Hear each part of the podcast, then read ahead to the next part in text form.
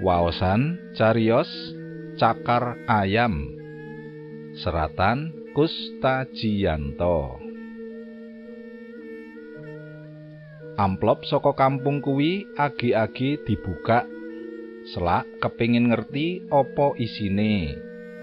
Merga suwe banget bapake ora nate kirim layang menyang Jakarta. Lan uga wis suwe banget Seno ora ngabari bapake. Sepuluh tahun Seno ora nate mulih kampung. Dadane sesek yen pinuju dina riyadi. Saben takbir ngumandang, bayune kaya dilolosi. Dilolos dening kangen sing matumpa-tumpa sarta rasa kang kecocok nasib. Perih, perih banget. Jakarta sing kawentar panggonan dhuwit pranyata wis malih dadi bui. Wis 10 taun iki, Seno buruh dadi tukang sapu ing Putri Duyung Ancol. Durung ewah nasibe, alias durung sugih.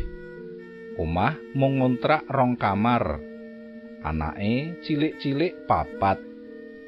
Saben arep turu, uteke mubeng ngitung blonjo sing bingung olehe arep nanjakake.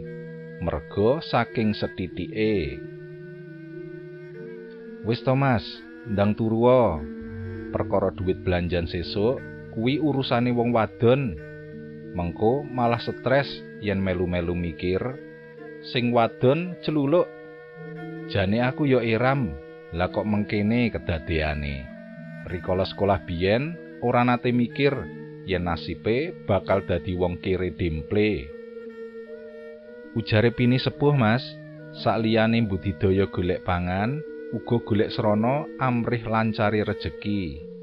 Srana sing kaya apa? Golek-golek wong pinter utawa tirakat ing makame para pinunjul supaya rejekine awake dhewe bisa nambah. Apa iya, Tin? Janjane arep tirakat sedina ping pitu yen citakane melarat ya tetep melarat. Kok nglokro ngono to? Eh iya, piye Mas? Isine layang kuwi. Apa ana kabar penting saka kampung? Ana, suarane lirih. Banjur layang sing wis diwaca bola-bali kuwi dilempit alon-alon lan diseleh ngisor kasur. Bojone kesusu nyikep nutupi meripate sing kudune isih nyawang tembok sing wis 10 taun dadi seksi kang sangsayane. Sesuke Sena kaya dina-dina sadurunge lunga nyambut gawe nyapu. Dumadaan klotak kaya ana barang atos nyangkut sapune. Sena mandek nyawang sing kemlotak kuwi mau. Jebul mung gantungan kunci saka cakar ayam ireng kelire. Dijupuk alon-alon disawang. Kaya makplas atine kelingan puluhan taun kepungkur nalikane isih bujangan ing kampung. Nalika kuwi saben bapake melu sepeda santai mesti entuk hadiah. Merga sepedane digantungi cakar ayam kelir ireng sing ujare asale saka makame wali.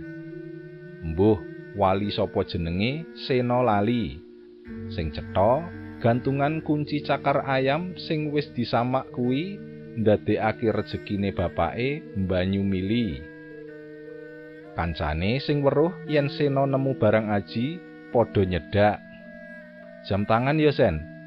Kayane kok duit. Ah, dudu. Mesti cincin emas kuwi. Coba aku pengen weruh, kowe mau entuk apa? Kancane takon pating cerowet. Karo ngadeg, Sena ngulungake gantungan kunci mau. Kabeh sing weruh padha latah-latah, njur padha bubar. Ora urus, pancen wis dadi pakulinane Sena. Yen entuk cuwilan wesi utawa watu sing rada alus, ya dikantongi. Sing wis apal watake sena ora mbacutake mburu.